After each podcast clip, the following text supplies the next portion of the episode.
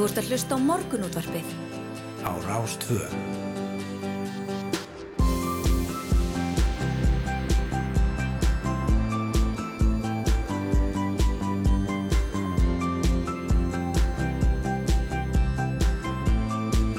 Morgunútvarpið Á Rástvö.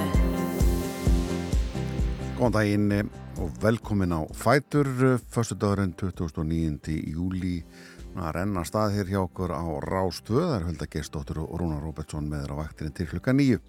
Já og uh, það er skemmtileg helgi framöndan við ætlum að vera svo litið á þeim nótum í dag. Við ætlum að hita upp fyrir Vestlunumanna helgi og heyra í fólki sem tengist viðburðum í Já, já. kringum helgina og, og svona bara spila svolítið að tónlist sem er gaman að heyra þegar maður er að koma sér í gýrin. Já, nákvæmlega og við ætlum uh, sko að fá stóradóm varandi veðrið frá Siggastormi rétt fyrir klukkan átta. Já, það sko búið að hamra á þessu alveg síðustu daga í öllum fréttatímum og allstaðar í öllum þáttum bara hvernig verður veðrið. En við ætlum að fá loka niðurstöðuna. Já, Nú er komið að þessu, Já.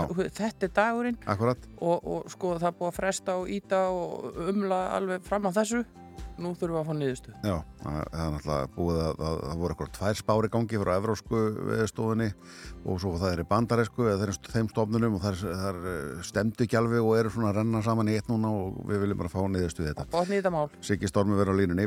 Við ætlum að forrætast um úlengalandsmót um í því og svo ætlum við að aðeins að forrætast um hugsanlegt bóluefni sem læknar bara koronaviruna Já, við ætlum að, og allar koronavirur, hvef og allt. Já, við ætlum að, að ringja í hérna Ingileif Jónsdóttur, prófessor í ónæmisfræði og spyrja eins út í fréttir sem bárust í gær uh, af nýjum bóluefnum. Og svona bara hvað er framöndan í þessum bóluefnum álum Einmitt, eh, við ætlum að ringja í Neskustad það er neistaflug og síðan ringjum við til Eyja líka. Já. því að þar er okkar maður Óli Bóki hann Já. er kom, komin í dalinn, við heyrum í honum réttur í nýju Já, hann lítur, er, var ekki húkaraball í gær er það ekki alltaf á fimmtudeginum? Er það ennþá í gangi?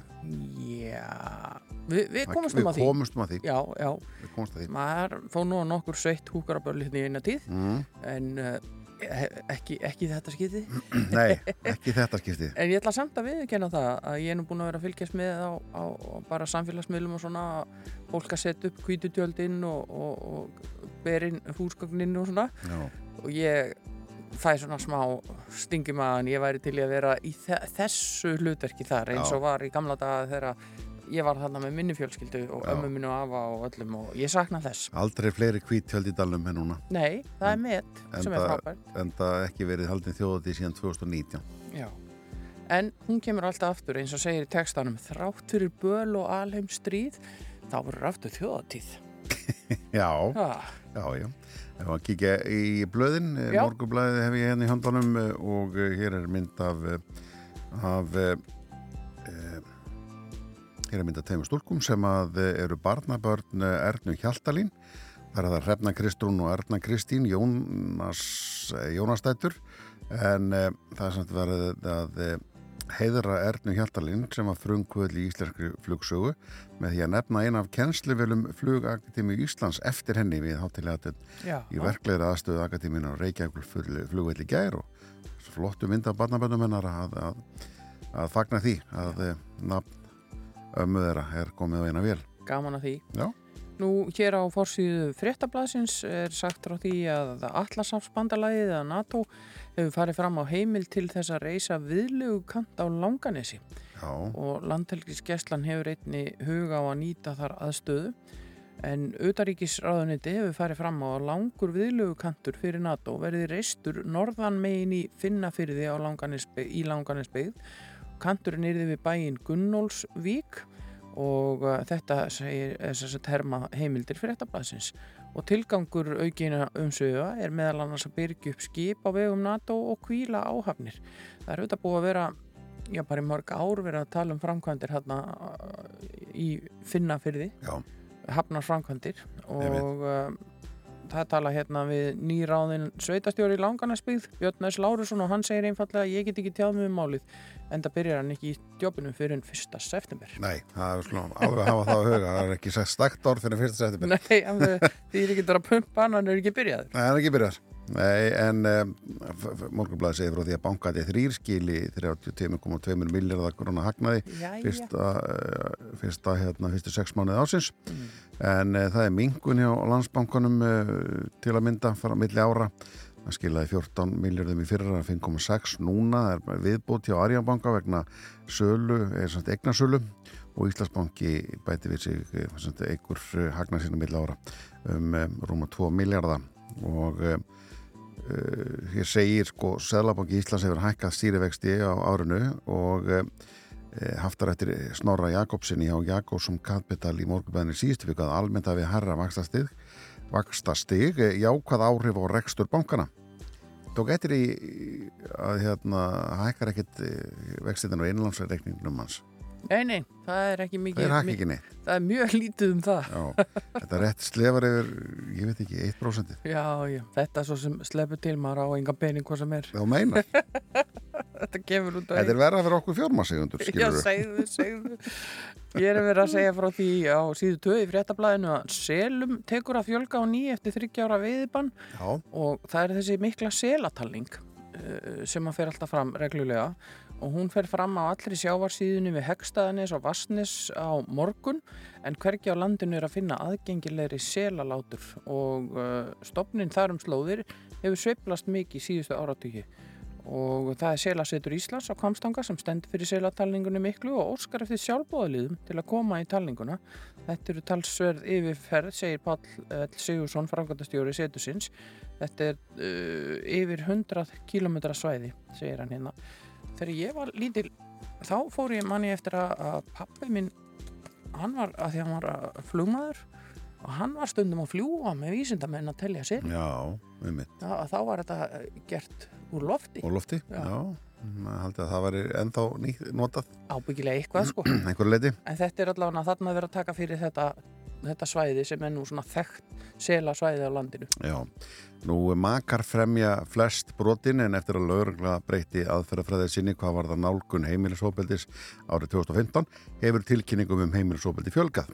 Nú eru sömulegis fleiri brotflokkur sem heimilisofbeldi en meðal þeirra brota eru skemdarverk, kynfyrirsbrot og hótanir og annað ofbeldi og það tekur lögreglu, eh, já hér segir af, af þeim málum sem tilkynnt eru til lögreglu eru 42% tilvika um að ræða ofbeldi sem framið er af maka og 27% af fyrirvenandi maka þá var það 13% mála ofbeldi barna gegn fóreldrum sínum en 9% mála ofbeldi fóreldra gegn börnu þeirra og 5% mála var það ofbeldi milli sístkina.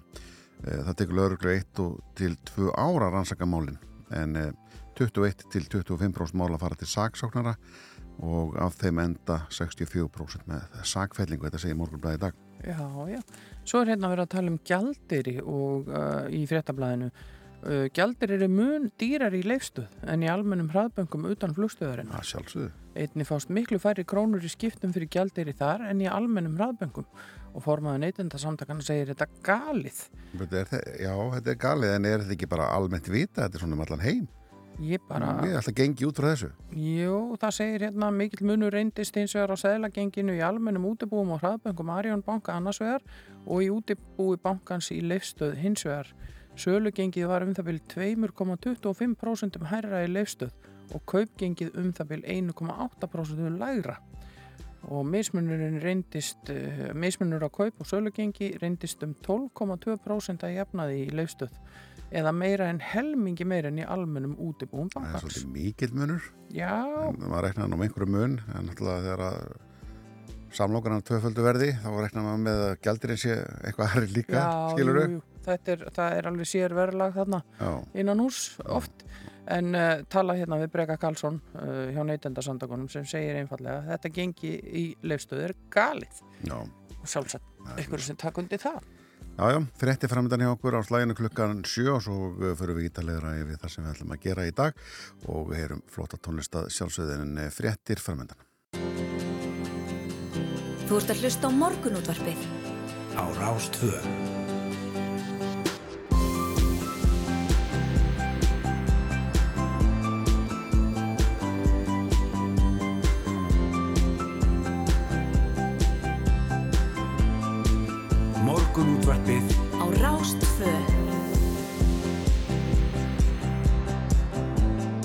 Já, við bjóðum góðan dag hér á Rás 2, það er morgun útarpið sem hilsar að venjum og það eru Hulda Geistóttir og Rúnar Róbersson sem eru með ykkur í dag.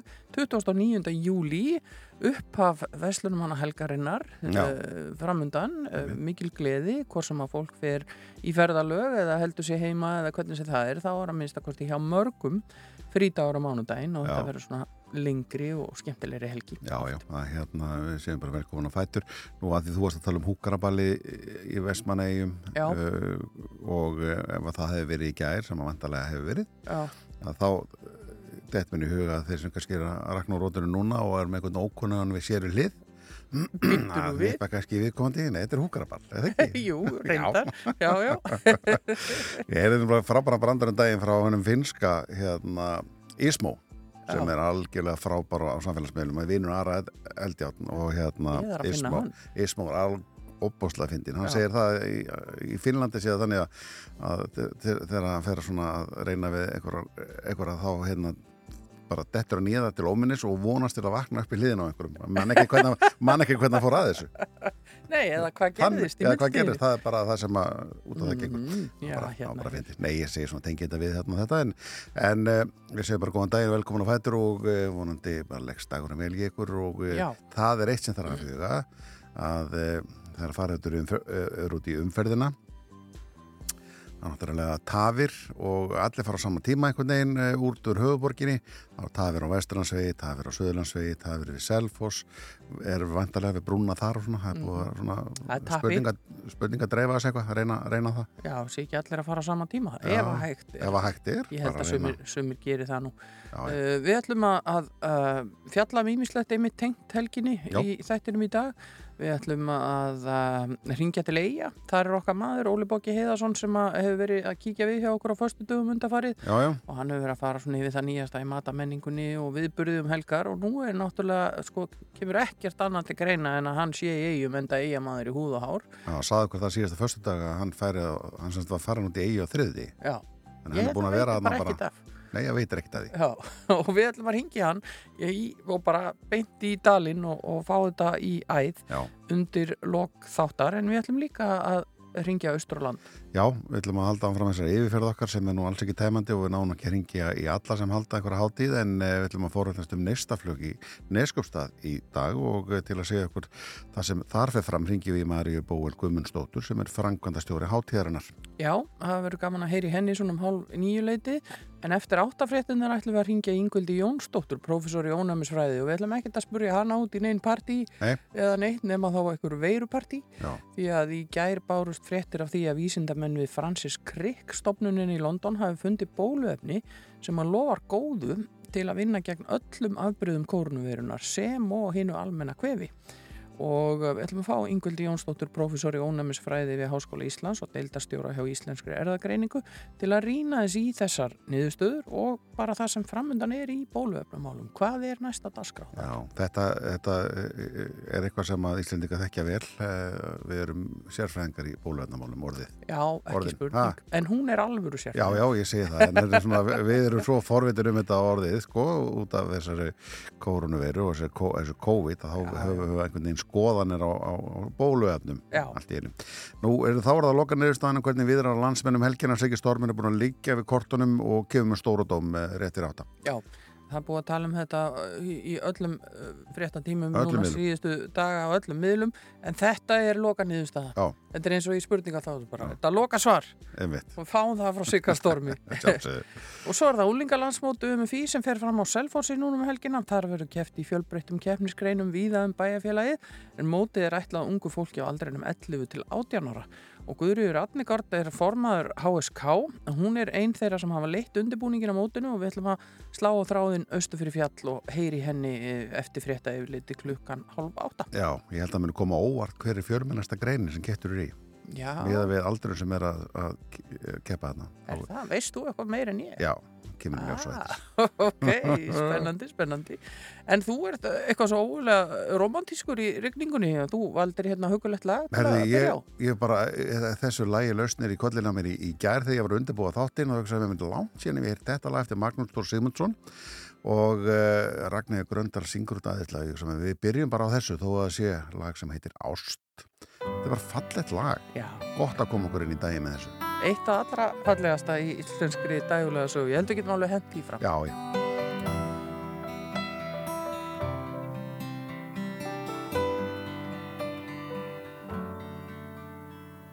Sólinn brennir nóttina og nóttin slökkvir dag. Þú ert atkvar mitt fyrir og eftir sólalag. Þú ert yndi mitt áður og eftir að dagur ís. Svölun í sumarsins eldi og sólbráð á vetrarins ís svali á sumardögum og sólskinum vetranótt þögn í seiðandi solli og söngur ef allt er hljó söngur í þöglum skóum og þögn í borgana dyr Þú gafst mér jörðina og grasi og Guð á himnum að við. Þú gafst mér skín og fjöllin og Guð til að styrkja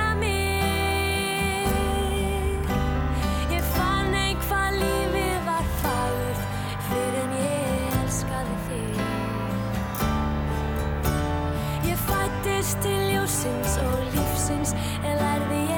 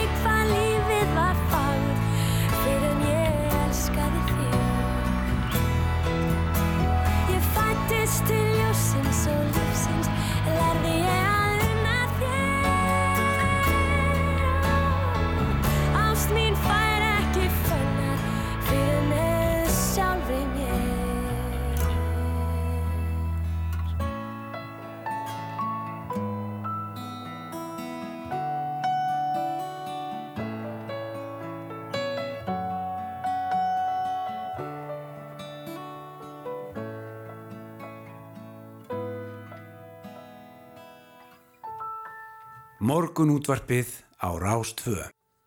Já, fallegt er þetta Ragnhjóður Gröndal og Ást heitir þetta lag og uh, það má svo sem alveg gera ráð fyrir því að í ár eins og mörg undanfærin ár og áratugi kvikni ímsir neistar þessa Já, helgi já, og það eru ófá hjónaböndin sem hafa byrjað á útiháttíð já, já það er og bara- endað með þessu lægi ykkur staðarinn í kirkju. Já, nákvæmlega. Gáti viðus, hugleðinga viðfræðings fá nánari útleysningar af því hjá Sigga Storm og ettir en eh, sjáum hvað viðastofan segir í dag. Eh, Norðalega átt, gólaða kaldi viða smá skúrir en ætti að sjást eitthvað til sólar sunnan og vestalans í dag. Í kvöld kemur reggsvæði inn á austanvertlandið. Á morgun er spáð stífri í norðvestanátt með rigning og norðaustur og austurlandi en hægari vindi og skúrum í öðrum landslutum. Hiti 5-15 stig, mildast sunnan til. Þetta eru hugleðingar viðfræðings í morgunsárið. Já, við förum svo miklu ítalega yfir veðrið og eftir þegar við heyrum í sigga stormi Já. en bendum líka á uh, vegagerðarinnar, þar er ímis um, konar frangvanda fréttir og þar sem fólk ætlar að vera mikið á ferðinni er kannski rétt að, að kíkja renna yfir það og um, það er náttúrulega búið að vera þessi mikla rigning núna síðustu daga sem hefur haft áhrif til dæmis á, á vegi á hálendinu Já, og uh, fyrir austan er ný klæðning á veginu við Hallamstað, þar er varað við steinkasti og uh, borgarfjörðavegur, þar er vegurinn grófur, það er verið að vinna þar og, og má búast um miklu steinkasti og síðan eru hérna svona fleiri framkvæmda fréttir uh, hér inn á síðunni sem hægt er að fara yfir og, og, og, og uh, skoða. Hveti ykkur til að kíkja á það eða ætlaði að leggja í hann. En hér áðan heyrðu við lag um ástina. Já. og þá er líka bara tilvalið að heyra lag um hvernig maður getur losa sig út úr því dæmi. Það eru 50 aðferðir. 50 ways to leave your lover syngur Paul Simon fyrir okkur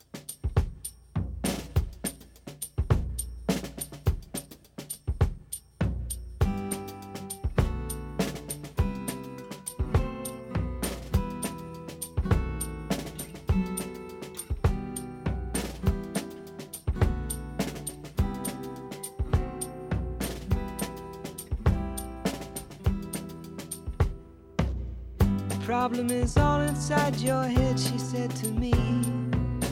The answer is easy if you take it logically. I'd like to help you in your struggle to be free. There must be 50 ways to leave your lover. She said it's really not my habit to intrude. Furthermore, I hope my meaning won't be lost or misconstrued, but I'll repeat myself. At the risk of being crude, there must be 50 ways to leave your lover. 50 ways to leave your lover. You just slip out the back, Jack. Make a new plan, Stan. You don't need to be coy, Roy. Just get yourself free.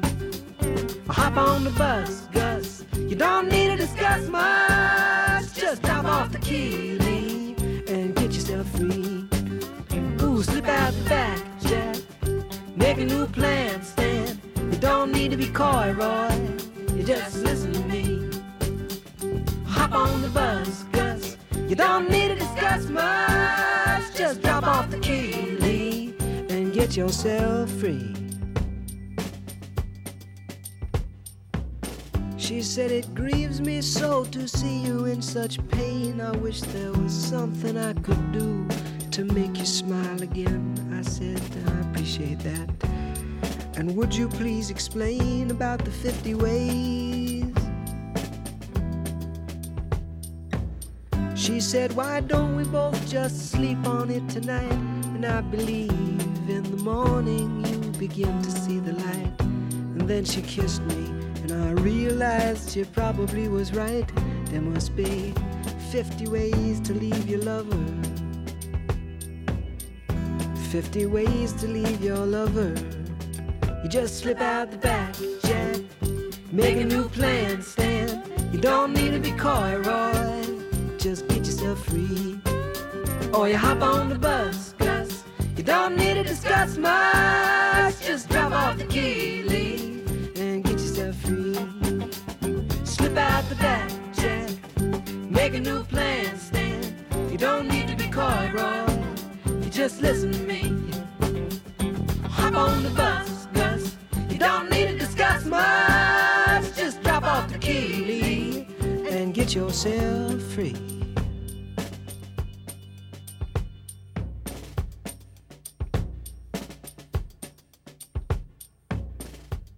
Já, já, já, já, þetta er alltaf, alltaf gott lag Já. og uh, hvað sem að maður ætlar að fara inn í ástina eða útrunni þessa helgina uh, þá er ýmsalegir í því.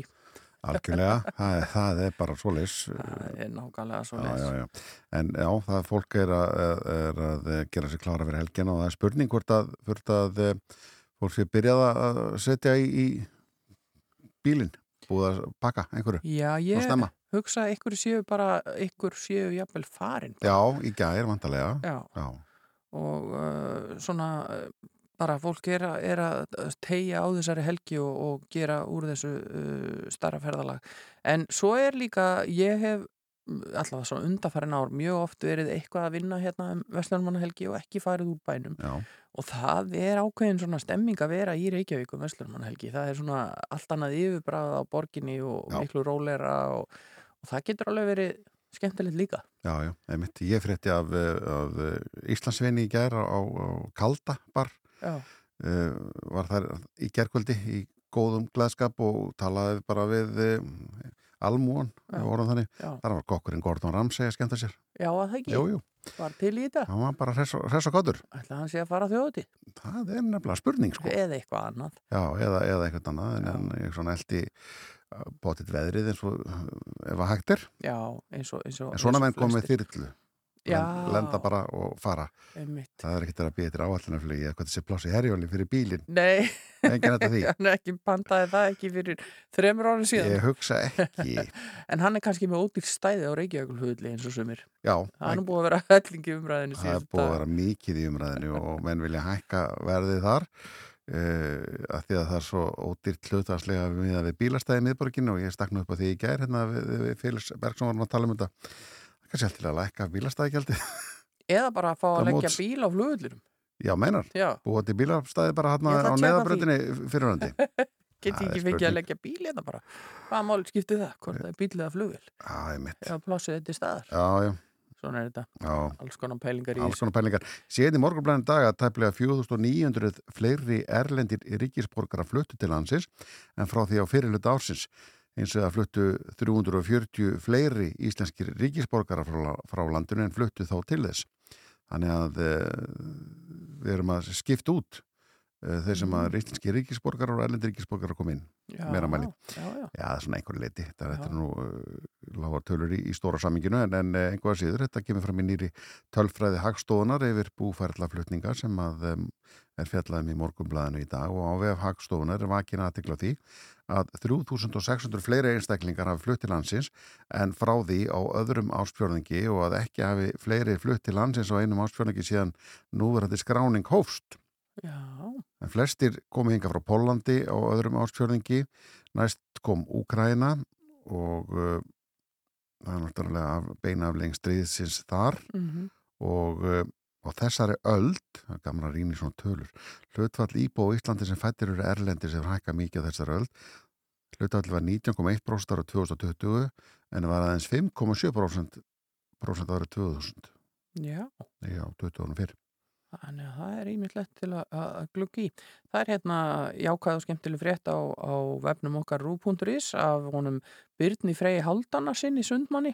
Hann var í þriðja sæti í 200 metra fjórssundi á Olimpíuháttíð Evrópu æskunar sem uh, fer fram í Slovakíu og hann kepp, keppir jafnframt í úrslitum í 100 metra flugsundi á morgun uh, eða sérst í dag, förstu dag Mm. og það fjöldi ungra íslenskra íþróttamanna sem að taka þátt í þessum leikum. Hann, þau eru ætlaðir fólki á aldrinum 14 til 18 ára og þarna taka 3000 ungir keppendu þátt Já, í tíu íþróttagreinum. Já. og við fáum að heyra meira af uh, svona íþróttamálum unga fólksins hér rétt á eftir því við ætlum að fjalla um, um úlinga landsmótu UMFI strax eftir frétta yfir litið Já, já, og svo, svo er náttúrulega ágætt að hafa eitt í huga fyrir það sem að verða í, í sínum heimabæ að e, það er að fylgjast með hvernig er opið í maturverslunum Já, að því einhvað af þeim lokar. Já, ég sá að bónus tilkynnti að það er lokað á mánudegin á frídegi verslunamanna. Já, já, En það er nú, svo hefð hefur ekki aldeilis haldið sér undanfarnar Nei. áratugi. Það er mjög margar veslanir opnar á þessum degi, já, já þráttur í allt. einmitt, það er alltaf að sjá þetta á heimasíðum e, stórmarkaðana þeir sem að e, þe- þeir eru nú flestir með heimasíður en svo er að minni verslanir þá bara að gera að kynna sér það ekkit leiðilegur en að, að þurfa að keira á milli og nei það er lokað hér, nei það er lokað hér Besta vesla þetta bara fyrirfram. Já, og svo þó að sé lokað í einn dag það, það fer ekkit alltaf liðina sko, heima hjá manni Ég held að sé eitthvað til í fristinum. við bara björgum okkur. En við ætlum að heyra hérna næst uh, gaman lag með hljónstinni Prífar Spráð. Já, Þú, er þú rakst augun í þetta. Já, það er stundum sem maður er einhver augun í hitta þetta, en hérna þetta lagið heitir The Sound of Crying með Prífaf Sprát og um, ég, ég fletti nú bara upp frá því úst, hvenar uh, það kemur út það er hérna þetta er, þetta er, þetta er tíu lag frá 90s Já. ef, við- ef við tölum við þannig. Já, og er á blötunni 38 Karat Collection sem er vantalega sapplata, það er ekkert að marka það Mm. en maður sjá þetta er af blötunni A Life of Surprises The Best of Príosbröð, já, þetta er grannlega verið bara, verið bara nýja lagið á þeirri sapplötu mhm. já, já, já, Hefur Ok. ekki reyfið þetta upp á leið okkar inn í frétta yfirlit og hvernig var það, kom út ára 1992 já, topp ár, það er topp ár í tónlist. Bara googlið það sjáuð alla plötna sem kom út að Já, já, það, það er samt eh, slæra ekki út ára 1984 ég hveti ykkur til að skoða smáskjöðunar sem kom út ára 1984 Herre Guð. Metum þetta, saman á eittir kíkjum á þetta, en heyrum fyrst í prífarsfrátt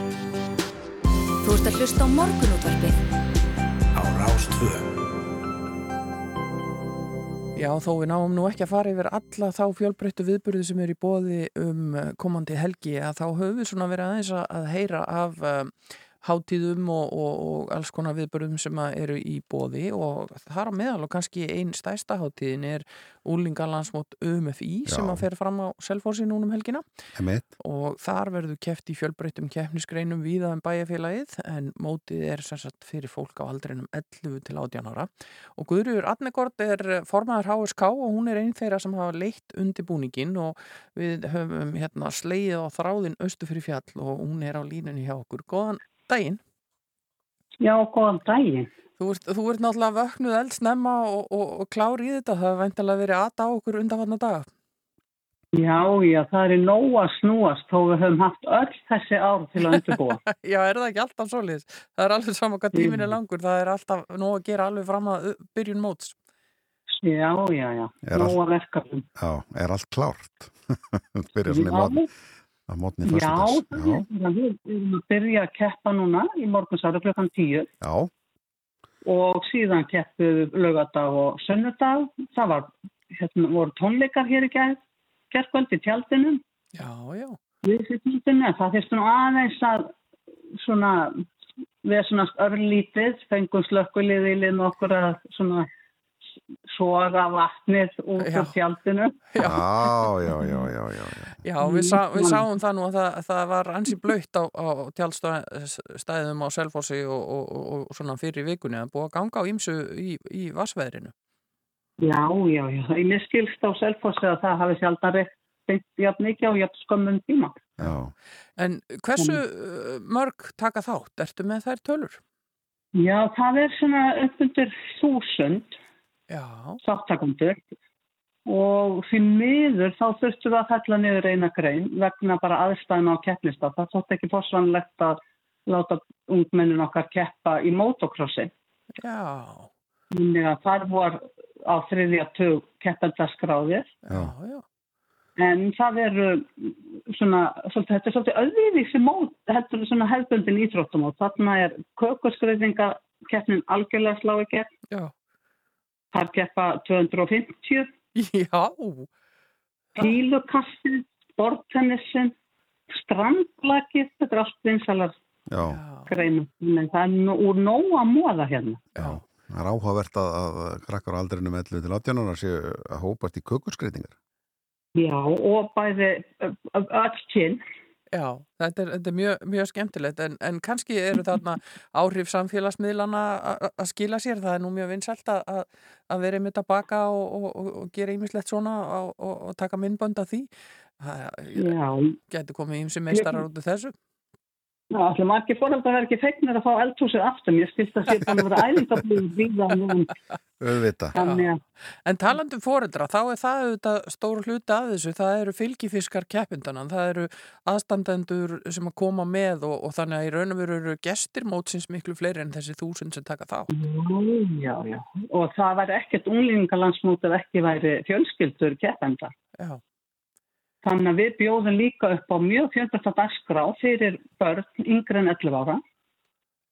Að þau geta te- tekið þátt í frjálsýþróttaleikum, sundleikum, þau geta verið keft í 57 ára í fótbolta, það er leikjagarður í nýju í höllinni þeirra á Selfossi. já, það er hæfileika eh, eh, hérna keppni já. ungra Þannig og svo kom er öllu barnadagsk og lína langsokkumættir og Ronja og Sarta Sól og þetta, BMX og allt þetta sko. allt þetta lið.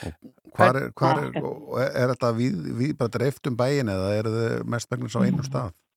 Nei, þetta er sko, þetta er á golfvellinu, þetta er hjá, á hest, hjá hestamönnum, þetta er eh, í íþróttahúsum og sundlauginni og, Já, og öllum, bara öllum og þeir, þeir, þeir leggja undir ykkur uh, hérna Selfoss og, og, og svona öll helstu íþróttamannvirki þar þessa daga.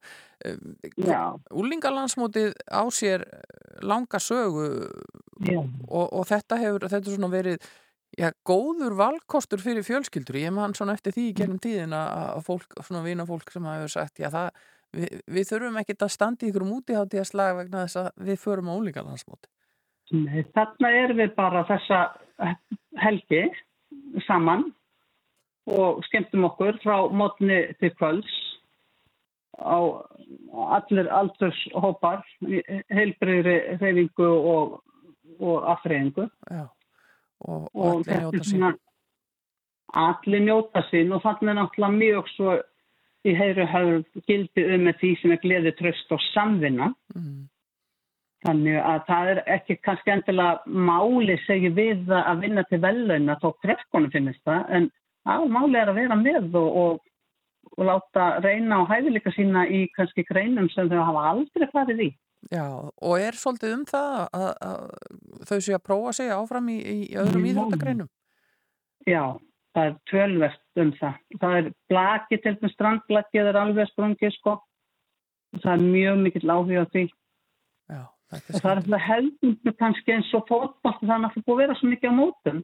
Já, og það er svona kannski minni þáttaka en ofta áður það en þá er bara meira þáttaka í þessum sem við höfum gætna að kalla jaðargreinar eða er að sjálfsög ekkert lengur jaðargreinar. já, Ég sé, eh, sko, maður dettur hugum að heyrir um úlinga landsmóti eða bara landsmóti yfir leitt að þá svona hefna greina frjálsar íþróttir og allt þetta en, en þannig er þið með sko bókfimmi, fimmleika, golf, uh, pílukast eins og að segja, sundu, rafíþróttir og ég veit ekki hvað hvað.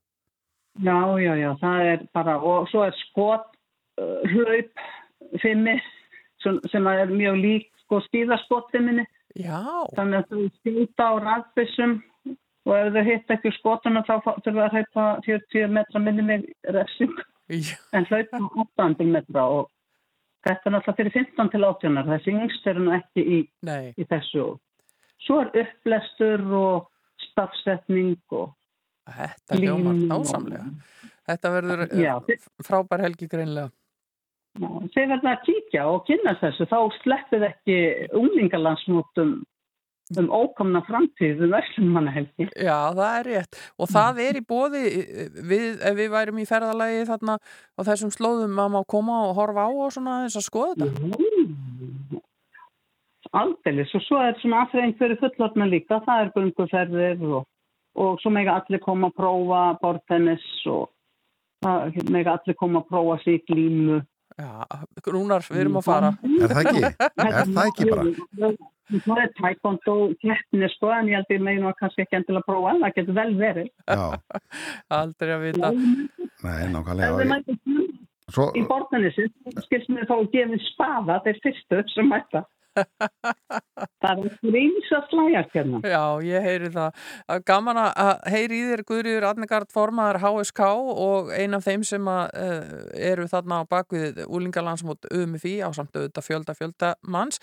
Við segjum bara góða skemmtun um helgina og gangi ykkur vel og, og hver veit nema við rúnar rekum þetta nefið og tökum eitt bortennisleikið að svo. Það geti alveg verið. Takk kærlega fyrir spjallið og verið hjartanlega velkomin. Takk fyrir það. Gangi ykkur vel. Já, bless. Bless, bless.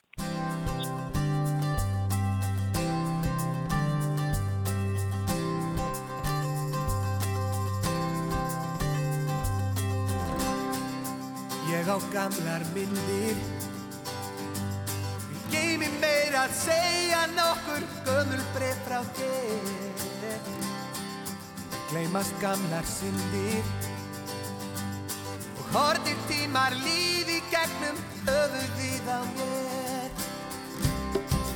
Vertu mér hjá Lóð mér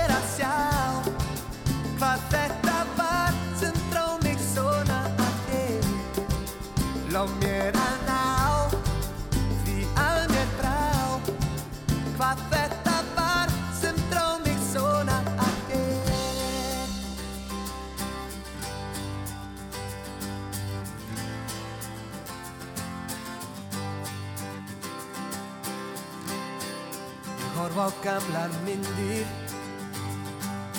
Tímabil sem gleymdust byrtast mér í augum þér. Mér finnst þú vera hjá mér? Hugmynd þín er fritta ekki endalausri nótt. Vertu mér hjá. Lóð mér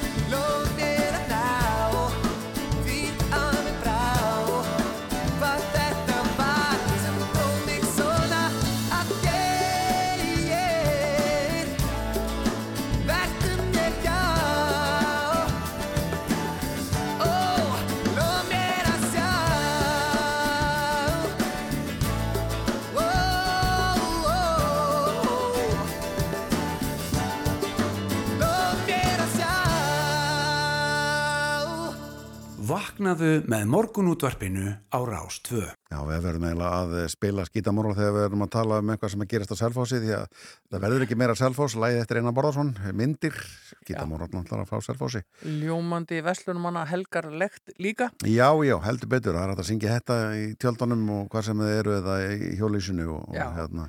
En það var gaman að heyri inn í Guðriði Adnigord, uh, Já. formanni HSK. Hún er á kafið þarna í úlingalandsmóti UMFI sem að fer fram á Selfossi og eins og við heyrðum þá verður nóg um að vera þar og, og öll velkomin að kíkja við á viðburði og jafnvel að prófa einhverja hluti. Já, og það er kannski sniðut að vera að fara hérna í dag, kannski eftir hádegi eða setnipartin í dag, að þá myndir þetta mikið stípla við eh, brúna, að fara kannski ef, að, ef þú ætti að fara bara á selfos, ekki að fara í gegn, að eh, Bara fara, kíkja á hvað. já, fara eirabakka og stóksir á þá leiðina í, í Já. Þeir svona að reyna að leta ef að það er eitthvað það er hugmynd sko. En hún sagði líka frá því að þetta aðstóð slökkvileysins til þess að, hérna, að vasslosa eða sem dæla vatni úr tjaldinni hjá þeim. Það var svo mikil, eh, mikil rigning í vikunni, smá bleita. En uh, það er náttúrulega alltaf verið að tala um hvernig veður, verður veð, veðrið um, um helgina sérstaklega mestum helgin, mikið undir. Og við ætlum að fá lokadóm núna, bara stóra dóm. Siggi Stormur á linni, góðan daginn Já, góðan dag, komið þið sæl og blessa. Hva, hvernig lítur þetta út? Vil, Ha, viljið þið fá stóran dóm núna?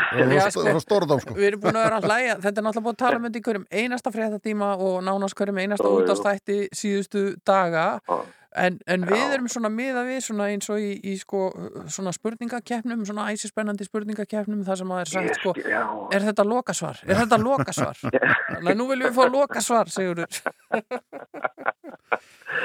það er sem betur fer þannig með þessi náttúruvísindi að þau eru nú ekki óbreyður eins og landsmenn vita. Já, Og hérna, og, og það horfa menn gættan á ef að spáin er ekki góð.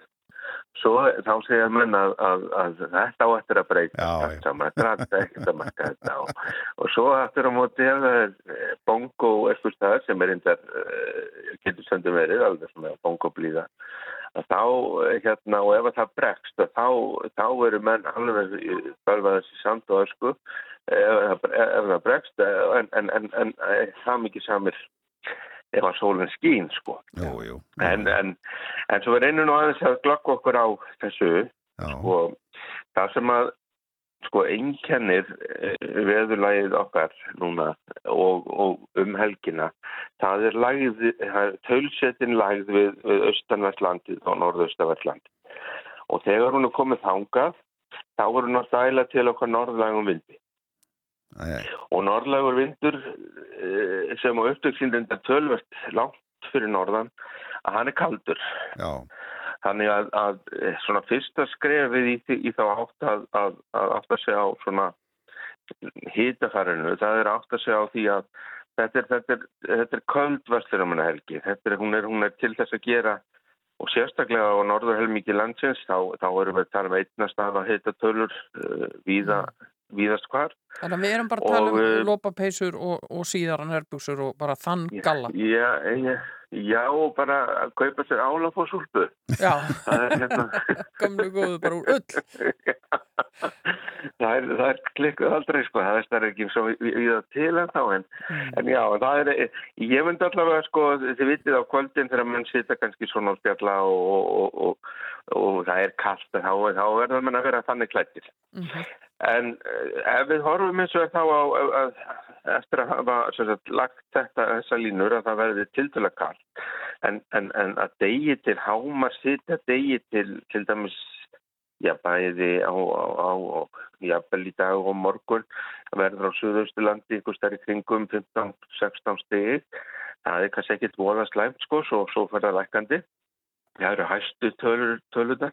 En ef við viljum setja þetta þannig upp að við- viljum reyna að velja það sem að eh, er, heilt yfir séð þurrast, klíjast, mesti möguleik og sól og vindur þannig að ekki fjúkjöld tjöld að e, þá erum við að tala um suður landið og eða suður og suðausturlandið. Ég held þú allar að segja, þá erum við bara að tala um færiðar. það má færa það. Í sólinn.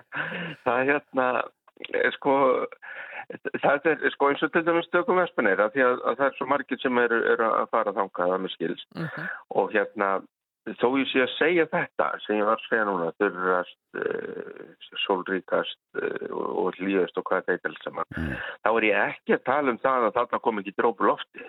nei, Ég er ekki að tala um það að þarna verði einn allserjar bara, stra bara strandlíf, skilur með sandi og sól, sko.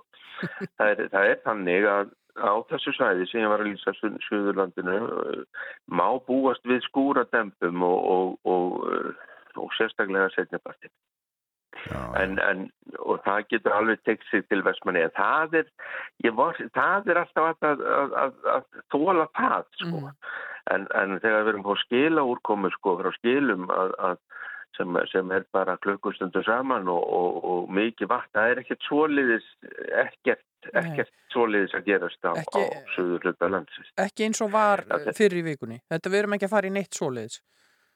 Ekki, ekki síðst á landinu og, og, því sunnar því betra. Þá erum við ekki, ekki að tala um neitt svoliðis, nei. En það gæti ef annars við- aðar. Já, þar erum við aftur enn, enn inni með, með sérstaklega norðausturhóttnið og, uh, og það reyndar í kvöld það nú að rigna við, við söðaustur og austurland e, smá, smá tíma. Og, og rignir þar e, já, svona, svona eitthvað, eitthvað, inn, eitthvað inn, í, inn í helgina.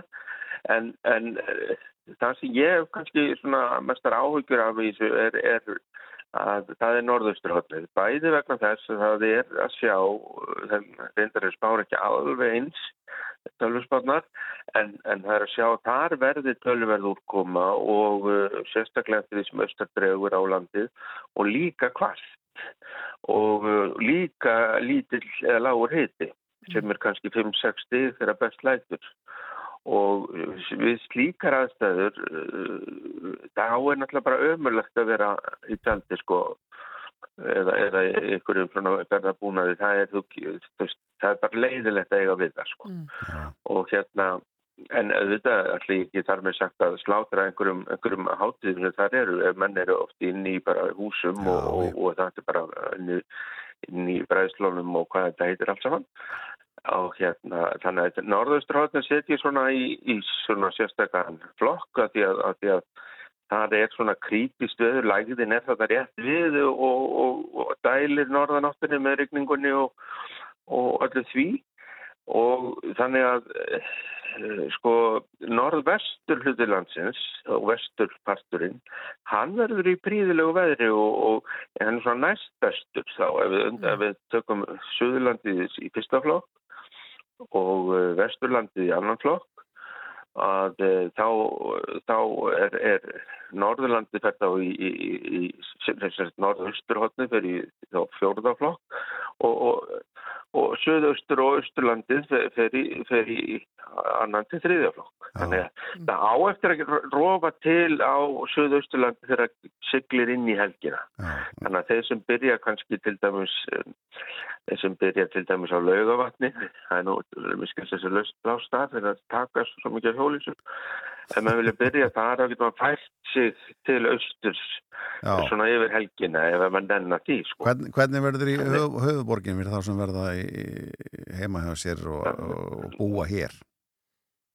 það verður óskup rólegt sko, það verður óskup rólegt það verður, verður skýja með köplum það verður einhverja smá skúrir og, og hérna vindur andar svona norðvestri það sem sem hann blæs og, og hitin í kringum svona 11-12 gráður þannig að Já, já, og, bara. og vindur það þetta er bara fínt veður í borginni og, og hérna ágætt til að skoða þessu um. En mér langar að nefna kannski að því er að draga upp þessa mynd vest, Suðurland, vest, Norðausturland og hinn svona þarna á milli. Eh, þá er að, að, að það verður svolítið blástur í Vestmannegjum sko eh, hluta af helginni, sérstaklega kannski núna í, í hérna þegar líður á þegar líður á helgina. Og, og kannski bara eh, í dag strax, þá verður svona, eða, þetta er engin, engin læti, skilur, Nei, þetta, þetta eru tí, tíu metrar eitthvað svoleiðis. Og, og Herjólfsdalur snýr mjög vel við, við norðvestanátt, þannig að já. En það þýðir það að menn þurfa sérst að gera klár þó þið séu á bestast þurrasta svæðinu sem að verður á landinu þá verður mann að vera mitt í búnir að það komi dempur og en þurfa að vera mitt í búnir að það verði svolítið vindur. Þannig að, að þegar að menn eru svo kannski tíu steg að hitta, ég hef kannski vonað því að það bæri nú herra í Vasmanni uh, strekt á steg kannski þegar bestlætur en þá, er, þá skiptir þetta allt máli að, að láta sér líða vel sko. Já, já, nákvæmlega. Siggi, það, bara takk fyrir þetta, við hérna, bendum kannski á inn á fréttablaði.is, þar eftir með sumaveðrið bara það sem ferði yfir þetta allt saman alveg eins og bara ítalega heldur en hún búin að gera núna fyrir okkur, þannig að bara takk fyrir Já, já, að spjalla við okkur. það- Já, það, það var bara lítið og, og bara sjálfsagt og gangi ykkur vel og góða, skemmtunum helgina. Sömulegis við minn, takk, takk. Já, já bless, bless.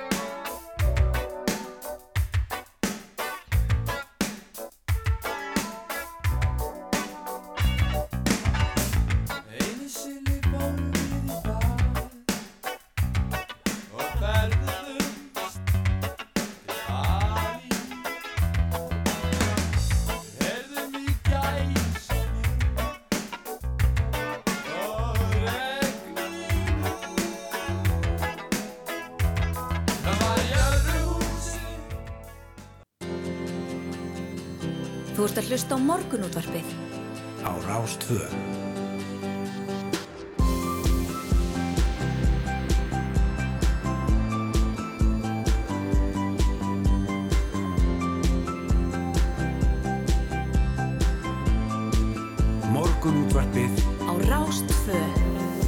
Já, við höldum áfram hér í morgun útarpinu á Rás 2, hölda á rúnar með ykkur í dag og við ætlum að halda áfram að svona trekja okkur upp og inn í Veslunumannahelgina Já, já, og við ætlum að ringja bæði til Eyja og austur í Neskopstað á eftir. akkurat. Og svo ætlum við að renna líka sér lók þáttar svona að stekla á stóru um, um uh, svona það sem er, er um að vera um helgina. Þannig að þetta fylgjast með þessu öllu saman hjá okkur ef, að, ef fólk er ekki búið að ákveða sig. Það er náttúrulega svona að býða til veðrinu. Við fengum uh, Lokadóm. stó, Já, lokadóm og stóradóm hérna frá Sigga Stormi rétt á þann og, uh, og ef við ætlum að koma okkur í svona útilegu gýra þá, þá eitthvað neginn dettur mann alltaf í hug stuðmannalag Já, við ætlum að henda í eitt stuðmannalag en svo ætlum við hins vegar að ringi hana Ingöldi Jónsdóttur, professor í ónæminsfræði við HÍ og fá hana til að rýna þess í þessar fréttir sem bárust í gær Já, mjög áhugavert bóluefni sem að lofi góðu gegn öllum afbreyðum koronavirunar. Hún verður á línunni hérna eftir stuðmenn en þau ætla út í kvöld. Hvað annað? Hvað hana?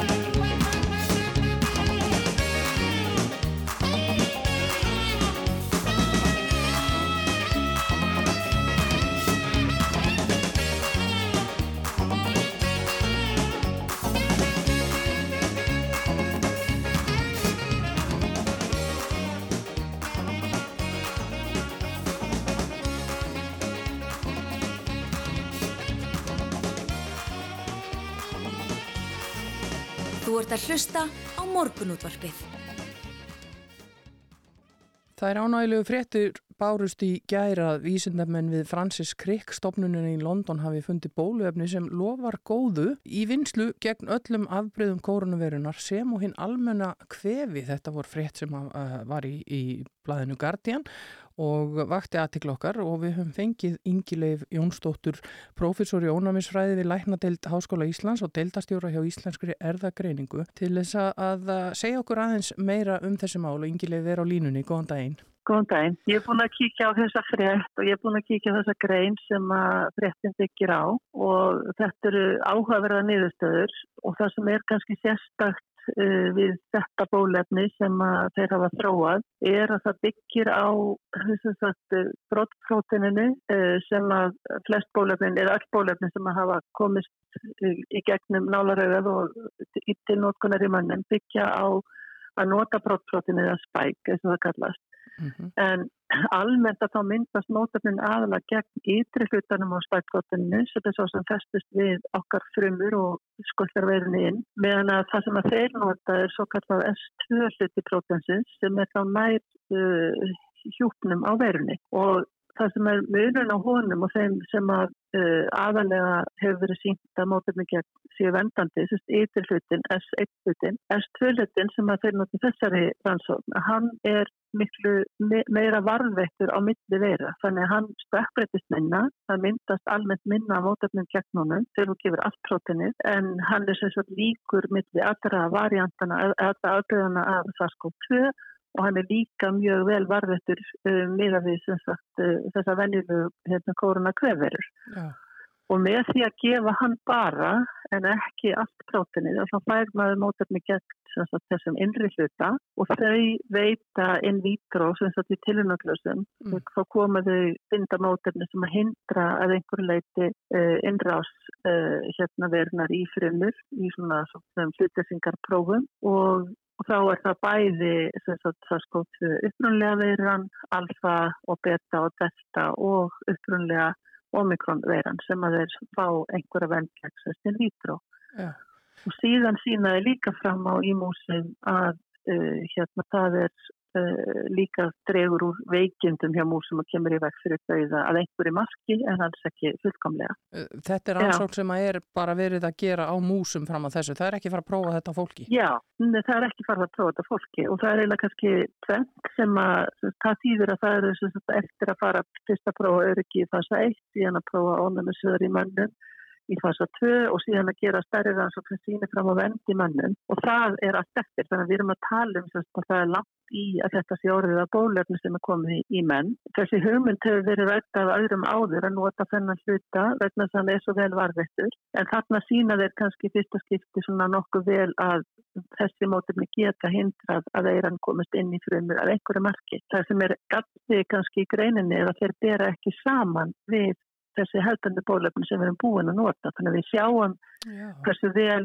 uh, við sjáum þessu spenn gegn stofninu sem er notaður í bólefni og líka gegn þessum hinnum aðtriðum, en það er ekki samanburður við það bólefni sem er notað í dag uh, klínist og hafa þessi farið gegnum alltaf prófanir. En það er annað sem er líka svona geta kannski eins uh, hérna spennandi niðurstöður eins og maður var að vonast til að þeir nota þessum DNA-bólefni og DNA-bólefni hafa ekki verið komist í menn uh, gegn SARS-CoV-2. DNA-bólefni hafa verið þróið uh, gegn ymsum arverum, ymsum veirum uh, og sínt mjög góðan árangur í músum en hafa ekki sínt góðan árangur í fólki og ekki í starri spendirum.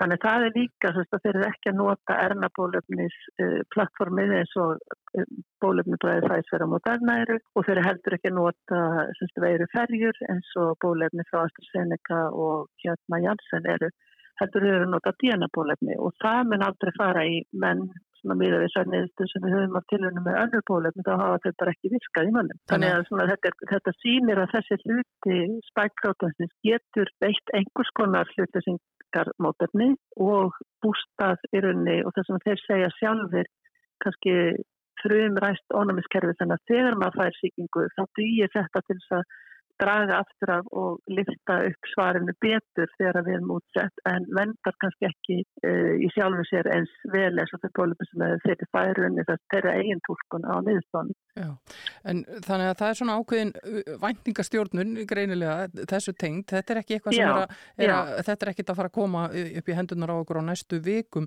Uh, hvað, hvað liggur fyrir, svona hvað er framundan í þessum málum fyrir okkur ef við tökum bara okkur vennilegt fólk hér heim á Íslandi erum við að fara í fjóruðu sprautuna eða hvernig lítur þetta út framöndan? Já, það er náttúrulega sko, mjög mjög spennandi að gerast í bólefna fróðinni En það sem að kannski þarf að taka ákvörðunum núna er einmitt hverjum, hverjum á að gefa fjórðarspröytu og það er búið að sína fram á í nokkrum rannsóknum að það að gefa fjórðarspröytu það eigur verulega hlutlisandi mótarni, það dregur úr sýkingum, uh, það dregur úr uh, sjúkdöma með engjani og það er nýlega sænsgraðsók sem að síndi fram á í eldra fólki að þá dróða verulega og döðsvöllum að, að fá fjórðarskant við að fá ekki fjórðarskant. Þannig að það er alveg áhugjandi að það bætir verulega vendina. Það hefur verið ráðlagt að gefa öllum yfir áttrætt og nú er verið að íhuga einmitt á að fara nýri 70 á að fara nýri 60 mm. en það er eins og er í dag að þá eru almennar aðgengar bæði á Európa og Bandaríkjunum að gefa öllum yfir áttrætt og öllum sem eru með ónámi spælingu, annars hvort vegna ónámi spilunar eða vegna meðferðar og hafa þessum kannski svarað bólefnuna verð að gefa þeim fjórðarskant og það er búið að sína fram á það sem sagt skiptir vel að miklu máli. En vendin, hún, hún er byggið náttúrulega því að við erum að nota bólefn sem byggir á uppröndjáðstofninum Þannig að umræðin er núna eigum við að halda áfram að gefa fjórðaskamta því bólöfni og það sannlega bætir vendina líka gegn omikron mm -hmm. en það er líka niðurstöðnar aðalega fyrir um upprunlega omikron. Þetta býja einn eins og hér. Mm -hmm. Nú er býja fjögur og býja fimm að verða ráðandi mjög í heiminum og meðal hans hjá okkur. Þannig að, að núna kannski býða allir spenntir eftir þeim nýju bólöfnum sem að er verið að þráa og byggja á eh, sagt, Omikron, byggja á Omikron upprunnilega, BA1, en þeir sem fá að mótarina til dæmis var fyrsta byrsta niðurstöður um það Omikron, bólefni sem byggir á Omikron aðbreyðinu upprunnilega og ef að það er gefið sem fjórðiskantur að þá Eikst vendin uh, gegn ómikronarbreyðinu mjög mikið, uh, næstu í tvöfall, uh, en hún eikst líka gegn sagt, uh, upprænlegum stofnum. En hins vegar vitum við ekki hvort að, og svo hafa það líka byrkniðustu sem sína að það er líka hlutisandi mótefni sem eru góð gegn bæði BA4 og B5 aðbreyðinu. Ja. Og það er ef að þeir gefa í rauninni fjórðarskant af upprænlega bólöfnu og fyrsta skamt þess að þá um leið að eh, omikronbólefnu mm. að þá fáum við mjög bætta venn gegn bæði omikron og þar með talið þessum BA4 og BA5 ja. en líka gegn uh, öðrum stofnum. En er þetta ekki svona eldingarleikur sem við eigum ekkit möguleika á að vinna? Er, er ekki veiran alltaf aðeins á undan okkur að breyta sér? Veiran er alltaf svolítið á undan okkur og þess vegna er þessi hugmynd sem að byrtist í þessu greina nota en að vel varfið það sluta. Hann getur þá kannski dreyið úr uh, veikindum meðan að við erum að berjast við uh, veiruna þegar við fáum hana af því að það virkar ekki bara gegn uppmjölega stofnum en það má segja, eh, heldur gegn öðrum en það má segja að bólöfni sem við höfum í dag að það er búið að sína fram á að það er aukinn venn að þriðaskamti, það er ennþá meira aukinn venn að fjóðaskamti gegn uppmjölega brennu, gegn delta, gegn omikron mm -hmm. og gegn þessum fyrri og þess vegna treysta menn sér ekki flestir til að ráðleika fara bara að verja bólusefna omikron sem fjóðaskamti, að við vitum ekki Nú er ómikrón orðið svo útbreytt mm. og það er komin nýja og nýja aðbreyða því. Það gæti komið fram nýfstótt sem hefur ekkert með ómikrón að gera, heldur um miklu líkari alfa beta þessum fyrir mm. Þessum svona eru mjög margir af þeim sem eru núna þessar vikurnar að þá er þetta búið að vera til umræði bæði í fæðulega til stofnum bandaríkjana og eins í Evróskuliðastofnunni og Evrósku smittsjókumastofnunni og mér sínist að flestir reiknum með að það verður ánægt að gefa fjórðarskant sem er bæði þá þetta omikronbasirða bólefni og upprunlega og það er þess að bæði hérna e, Moderna sem er komið slíkt bólefni í prófanir í mönnum, það er líka bólefni frá Pfizer og það er líka prótenbólefni frá Novavax sem kom miklu setna á marka mm. en virðist vera mjög gott líka til þess að gefa búster og það er þess að búið að sína fram á Pfizer bólefni að það er mjög vilt, þetta omikron Pfizer bólöfni eh, er mjög vilt og bætir vendina þess að þið þrefalt með að við að gefa fjóðarskapta upplunabólöfni og þeir hafa líka verið að gefa það saman sem sagt bæði omikron og hitt uh, þá sem þjóðarskamt í einu ja. og sem sagt þá verulega góða vend og líka gett bíða fjóður og bíða fimm. Þannig að þetta er svona það sem að ég held að við fáum niðurstöðum á næstu svona fjórum til åtta vikum. Ja. En, uh, það verður aðvægt alþjóðamarkaði. Heldur þú að við munum þurfa síðan bara reglulega bólusetningu við COVID að þetta verði bara eins og einn árlega flensusbröta? Ég held að það sé mjög líklegt að við þurfum meðan að við sjáum enga mingun í rauninni á því að nýja afbreyði komið fram og breyðist út og eins og bara omikron er kannski meira frábreyði heldur en fyrir afbreyði og omikron afbreyðin þessi síðustu og þeir eru kannski mest fjarskild upprunlegu verunni sem að var í bólöfnu og við eigum það búast afbyrði að það komi nýja afbyrði fram og það er bara spurningum sko hvaða uh, veirustofni sem að við hefum sér hinga til það verða líkust. Þess vegna held ég að flestir telli að það sé mikilvægt að vera undir það búin að þurfa að gefa viðbútarskamta kannski árlega En núna höfum við náttúrulega meiri reynslu en það er síns að mjög margt sem við vitum ekki og það getur vel verið það að bæta við uh, sagt, öðrum prótenum úrverinni þar með talið þessum eftir hluta prótensins að gefa það fyrirfram til þess að mhm. fá þá ebling á því svarir strax gegn öllum verum þó að það sé ekki jafn gott en, en það dregur það úr kannski og hjálpar okkur að mynda svar gegn öllu östróterinu líka því sem er mikilvægast gegn hverjum stopnist með þessi endi sem bynst sko okkar frum en... og svo vitum við heldur ekki með tjefrumisöðurinn hversu miklu máli þau skipta en það sem að menn hafa líka áhyggjur af það er það að vendin gegn sjúkdómi, alveglegum sjúkdómi sjúkrásinlöfn og dauða, hún er mjög góð að verða það bólöfum sem við höfum Já. en vendin gegn smiti, hún er heldur minni mm. og það er vantanlega að hluta til, en það mikið vegna þess að breyðin eru að breytast, en það er vantanlega að hluta til vegna þess að við myndum ekki þetta slímhóðarsvar fyrir að bólefnum spröytaði okkur eins og við myndum þegar að við síkjumst að verðum þess að sem síkir í meðkókið. Þannig að það eru líka í gangi núna tilhörni með það. Já, er, er ekkur möguleiki að, að bólusetja til dæmis með einhvers konar nefnsprey? Já, það er það sem menn eru að prófa. Það er sem sagt uh, sjö bólefni sem eru komin í klíniska rannsóknir mannum sem verður það gefin um nef Já. Og þau eru lifandi veiklaðar veirur og tvöðera eru sagt, lifandi veiklaðar veirur sem er komnar í farsa þrjú, þar að segja í Afrika sér hans á búin að fara í gegnum safety, mm. er þetta öryggi búin að fara í gegnum að mæla ánæmisverð og er núna verið að prófa vend í mönnum og uh, svo eru bólefni annað þeirra sem er þá RS-veira, respektarsetikalvari sem að flestir fá og eru þess með hérna, hafa mynda gett gott ónumisvar gegn og þá er sett inn í táveiru er sett þess geni fyrir brottprótinu og hitt er uh, í uh, annari veiruvektor úr svona atvinnuveiru svipað eins og bólefnið frá AstraZeneca og eitt uh, er síðan, AstraZeneca er líka með sömu veiru ferju eins og þeir nota í sitt bólefni sem við hefum fengið í ströytum að gera núna rannsóknir á hérna að gefa það um neð en það er ennþá sérst í fasa 2 Þannig að við erum eftir að sjá uh, eftirkassi af því að hversu vilt það er í að venda okkur gegn smiti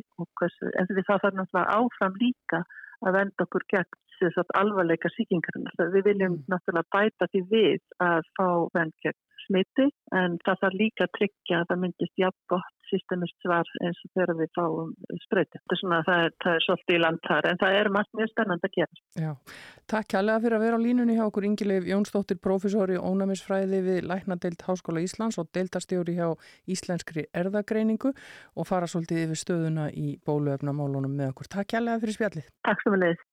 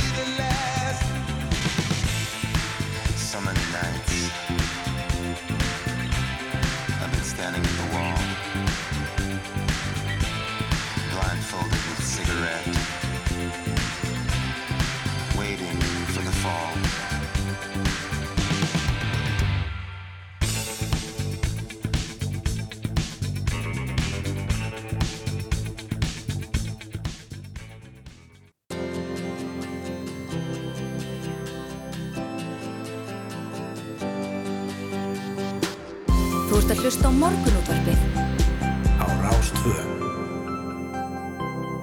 Já, ætlum að halda áfram hér í morgunúttarpinu og eh, við höfum svona þessa vikuna verið að heyra í eh, þeim sem að koma þessum útiháttíðum núna um vestlumhelgina og eh, langt frá því að eh, vera tamandi listi á okkur, komumst ekki yfir að tala við alla en við höfum svona verið að ringja hinga og þangað og, og nú komið þið að ringja austur á, á fyrði og við erum komin í sambandi við Maríu Bóvel Guðmundsdóttur sem er frangandastjóri neistaflugs í Neskupstað. Sæl og blessu.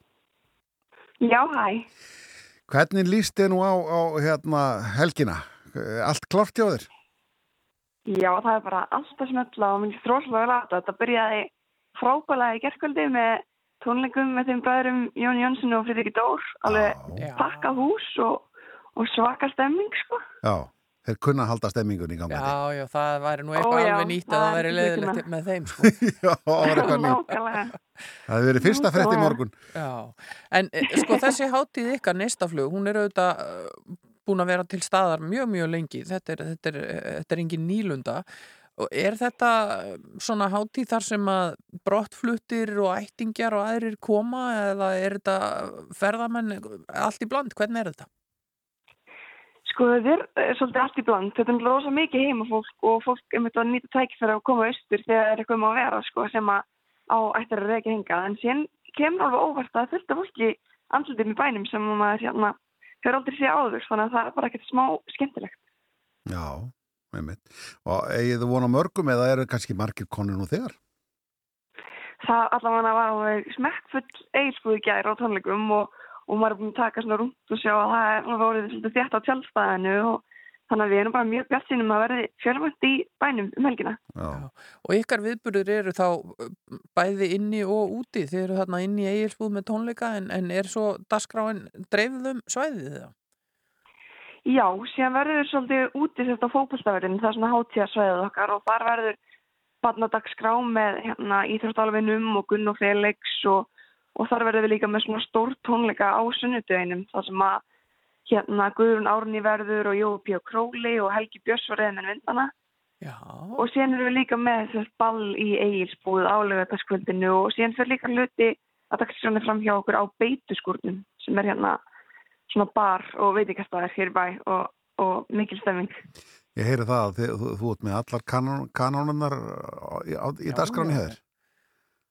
Já, já, já, já, það er bara þétt dagskrá. Já, einmitt, og eitthvað fyrir alla. Já, það er bara við, við reynum að með henn á alla aldurshópa og þessi eitthvað einmitt fyrir alla. Já. En hvernig er þegar þú ert svona í forsvari fyrir hátíðina og auðvitað skipuleggja og, og halda utan um alla þræði, nær þú sjálf einhvern tíman að tilla þig niður og spjalla við fólk og, og, og taka þátt? Það er svona, maður reynir að púsla þessu saman en auðvitað er líka bara svo skemmtilegt að vera, vera að skipuleggja þetta Já. mann er leiðist nú ekki neitt sko, en maður næst svona aðeins að slá að leta þessu ekki. Það sér, já. Ert þú búin að mæta á næsta flug á hverju ári, bara alla tíð? Já, ég er bara 21 ára er alltaf komin, nema þessi síðustu tvö núna sem að, sem að voru ekki út á COVID. Já. Þannig að, Já, það þurfti alheims faraldur til að þú værir ekki á næsta flugi. Já það var bara svolítið, það var bara eina ástæðan að halda mér í burtu sko. Hvernig er dæmis eins og í kvöld, fyrstu dagar í dag og þetta er svona, þó að þetta hefði byrjað í gæra þá finnst mann svona að, flestir svona koma sér að stað í dag? Já, nákvæmlega. Við, sérst, við byrjum í kvöld, þá er svona hérna, bænum er skipt upp í hverfi og, og hverfin ætla kannski eitthvað svona grilla og koma síðan saman nýr í bæ þannig að verður setningin eittaflugs í kvöld. Já. Það sem verður hérna Gunn og Felix og Trúbador og allir syngja saman og svona. Og síðan í kvöld verður Trúbador á beitiskúlunum og hérna stemming þar svona til þess að byrja þetta almennilega. Já, það er alltaf stemming í svona ringa-rigga svona dæmi. Þetta ljómar Já, það er gaman, allir, allir, allir, allir að krækja höndum, höndum og, og hérna Og syngja með. Já, nákvæmlega. Já. Já, Marja Bóel, takk hjá fyrir að tala við okkur. Þetta, þetta verður ábygglega mjög skemmtilegt hjá okkur ef að það ekki og ég segjum bara góða skemmtun og skemmtum okkur öll fallega.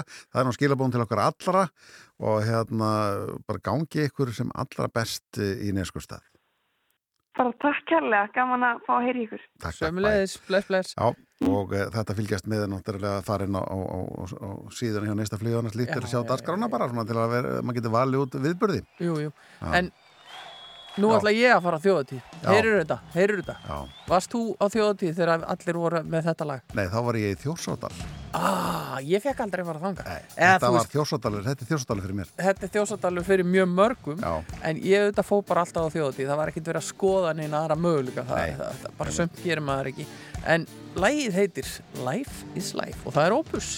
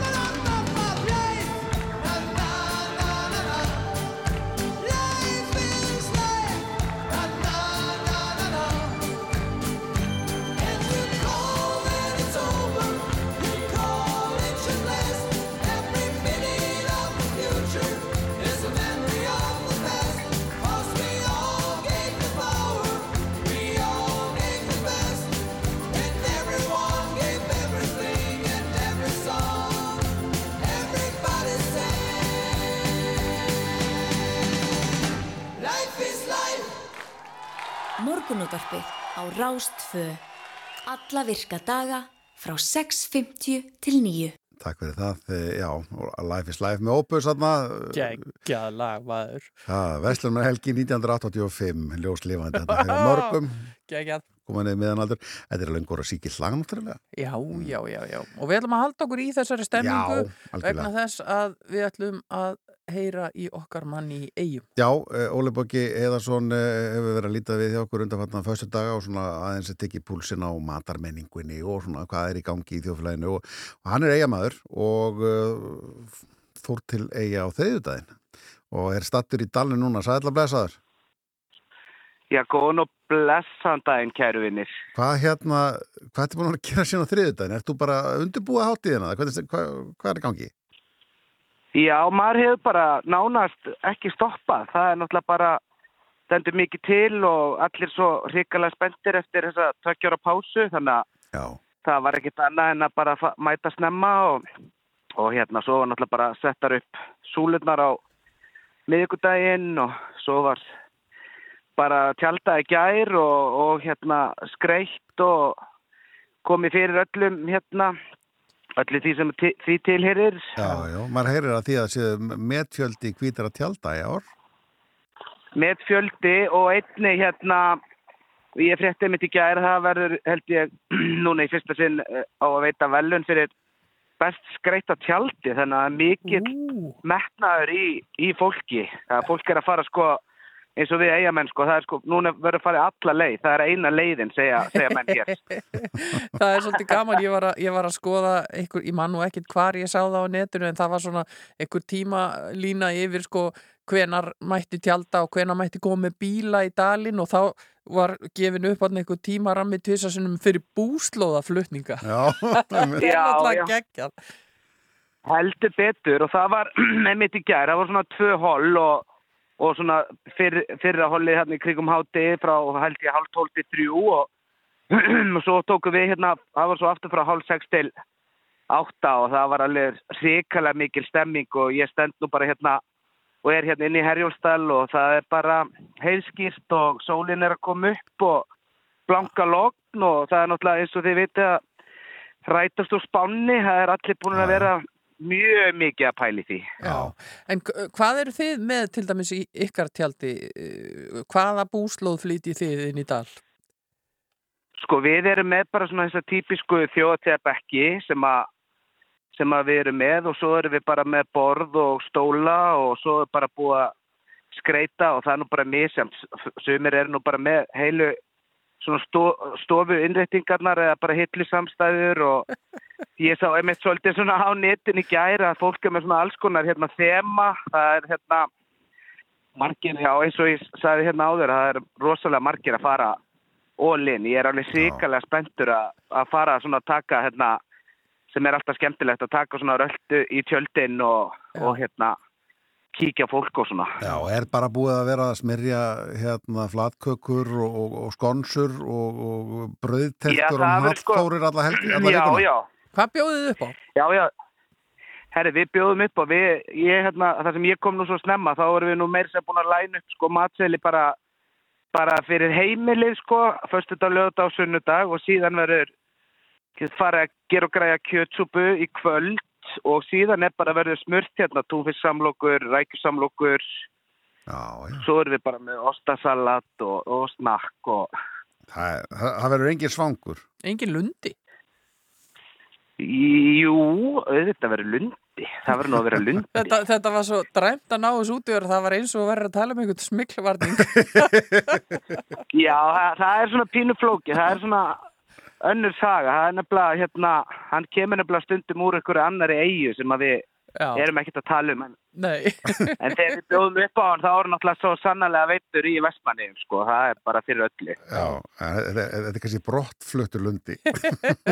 Já, Gæti verið eitthvað svoleiðis Já. og nú síðan hefst náttúrulega bara setningin verður í dag Já. og það er svona mjög, hérna, alltaf mjög hátilegt og fólk eigamenn koma og klæða sig upp og lappa inn í dal hérna með nallþórurnar og, og hérna brauðterturnar og það er svona hátíða kaffi í tjaldinu og ég er með draka augun í það, ég var svona búin að vera að rýna yfir dasgruna alltaf svona þess að segja ykkur frá kannski svona sem ég er spennturst fyrir en hérna ætla þá að nefna bara til dæmis að við er sem verður náttúrulega með hátíðaræðina Já, já, vel gert.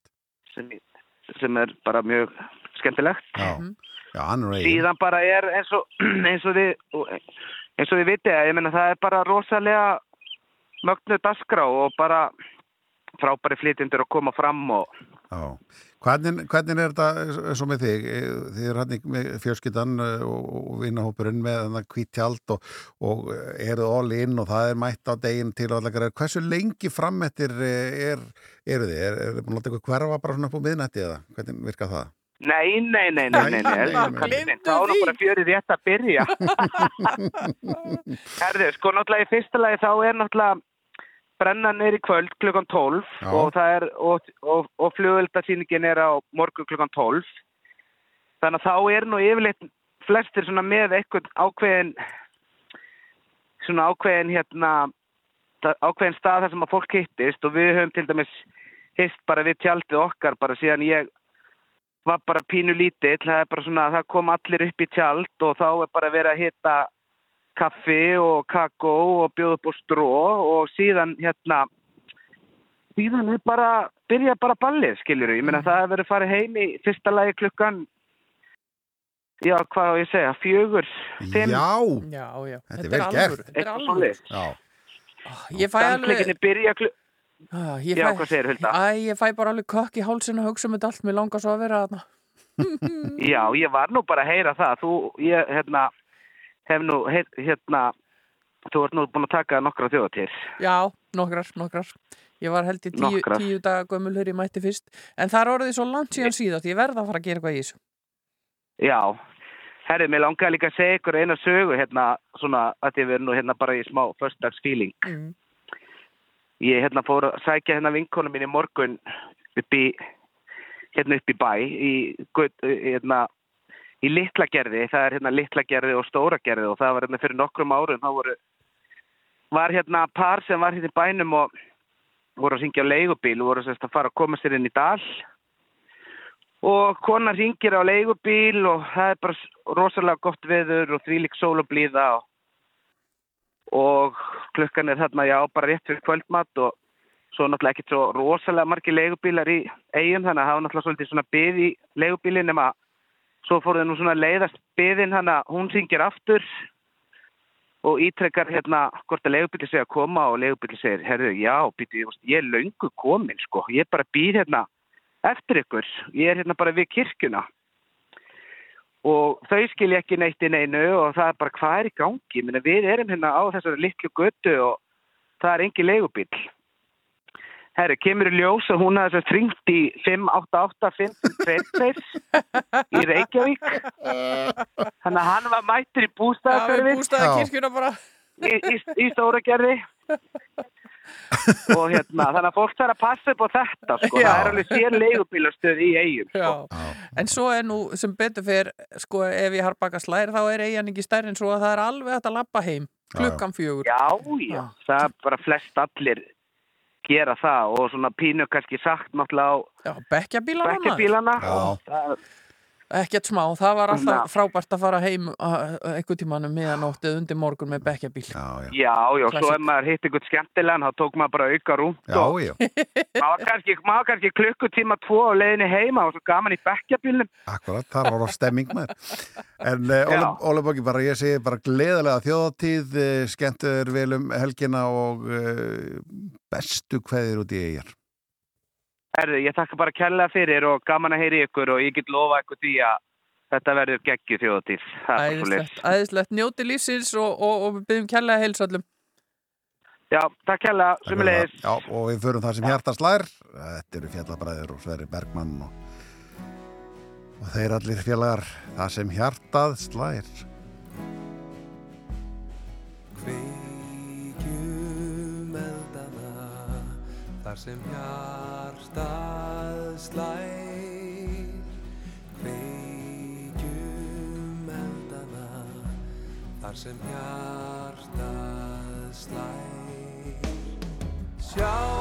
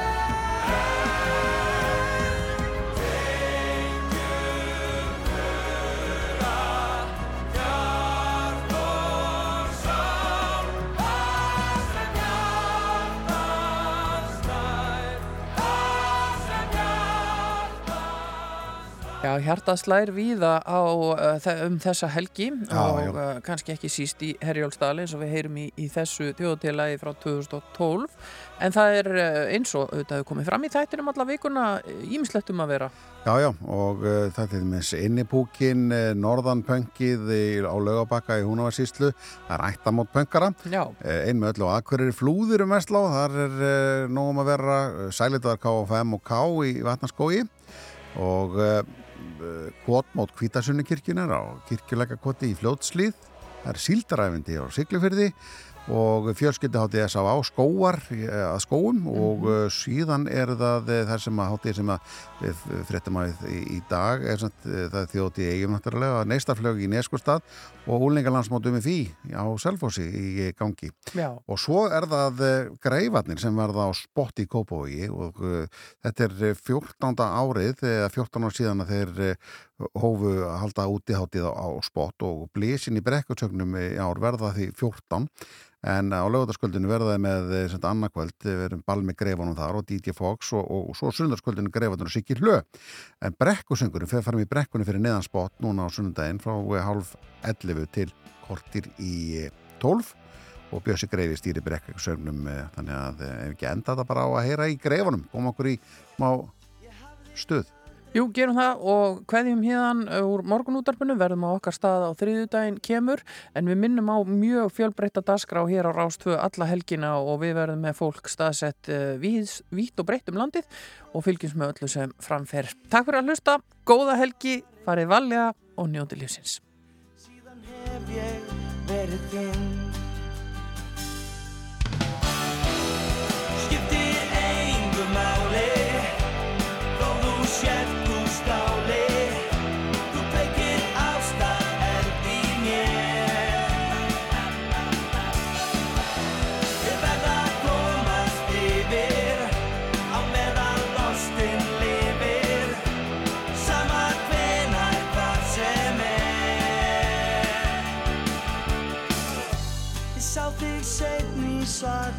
Kjól Þú stóðst og talaðir við tvo Og þóttist ekki takk eftir mér. Í gegnum reikinn færði mér nær Mér tókst að töfra fram hjá þér brós Ég horfi beint í augun á þér